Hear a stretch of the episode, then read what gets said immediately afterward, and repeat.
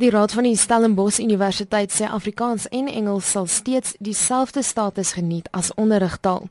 Dit volg nadat die rektor en sy bestuurspan voorgestel het dat Engels van volgende jaar af die primêre onderrigtaal sal wees.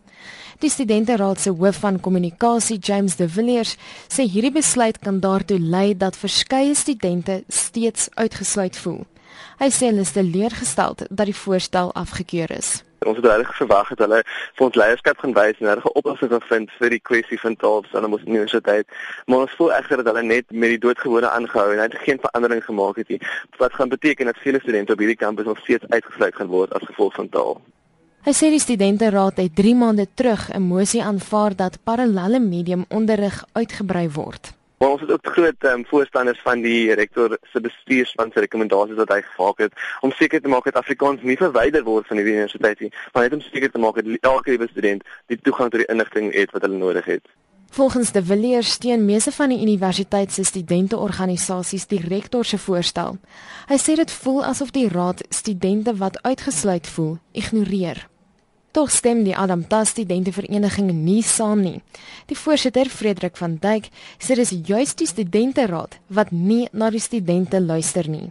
Ons het van die begin af gesien dat die studenteraad nie bereid was om die baie studente liggaam te betrek nie. Ironies genoeg die mense wat vir hulle gestem het en wat hulle vertrou het in die posisies waar hulle nou is. En ons is baie teleurgesteld geweest uit die staanspoor uit met die SA se houding teenoor die situasie. Van Dyk sê hulle voel gerusgestel deur die raad se besluit die beste wat hierdie besluit gedoen het is om ten minste vir ons tyd te koop om met ander studentegroepe op kampus te gesels oor presies wat die pad vorentoe gaan wees. Maar andersins is dit ook vir Afrikaans en vir veeltaligheid op Universiteit Stellenbosch is hierdie 'n groot oorwinning. Solidariteit se bestuurshoof Dirk Herman sê hulle beskou die besluit deels as 'n taktiese sukses. Daar is teruggedruk en ons het groot waardering vir al die mense wat deelgeneem het, die verskillende groepe wat deelgeneem het. Dit wys dat daar 'n magsbalans is wat beïnvloed moet word en daarom sien ons dit as 'n taktiese sukses. Maar as jy kyk na die totale besluit, is dit definitief nie 'n strategiese oorwinning vir Afrikaans nie.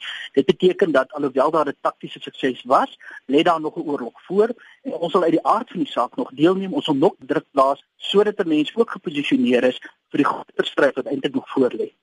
Hy sê Afrikaans as akademiese taal moet beskerm en uitgebou word. Ek is Marlene Forsiefer, SABC nuus.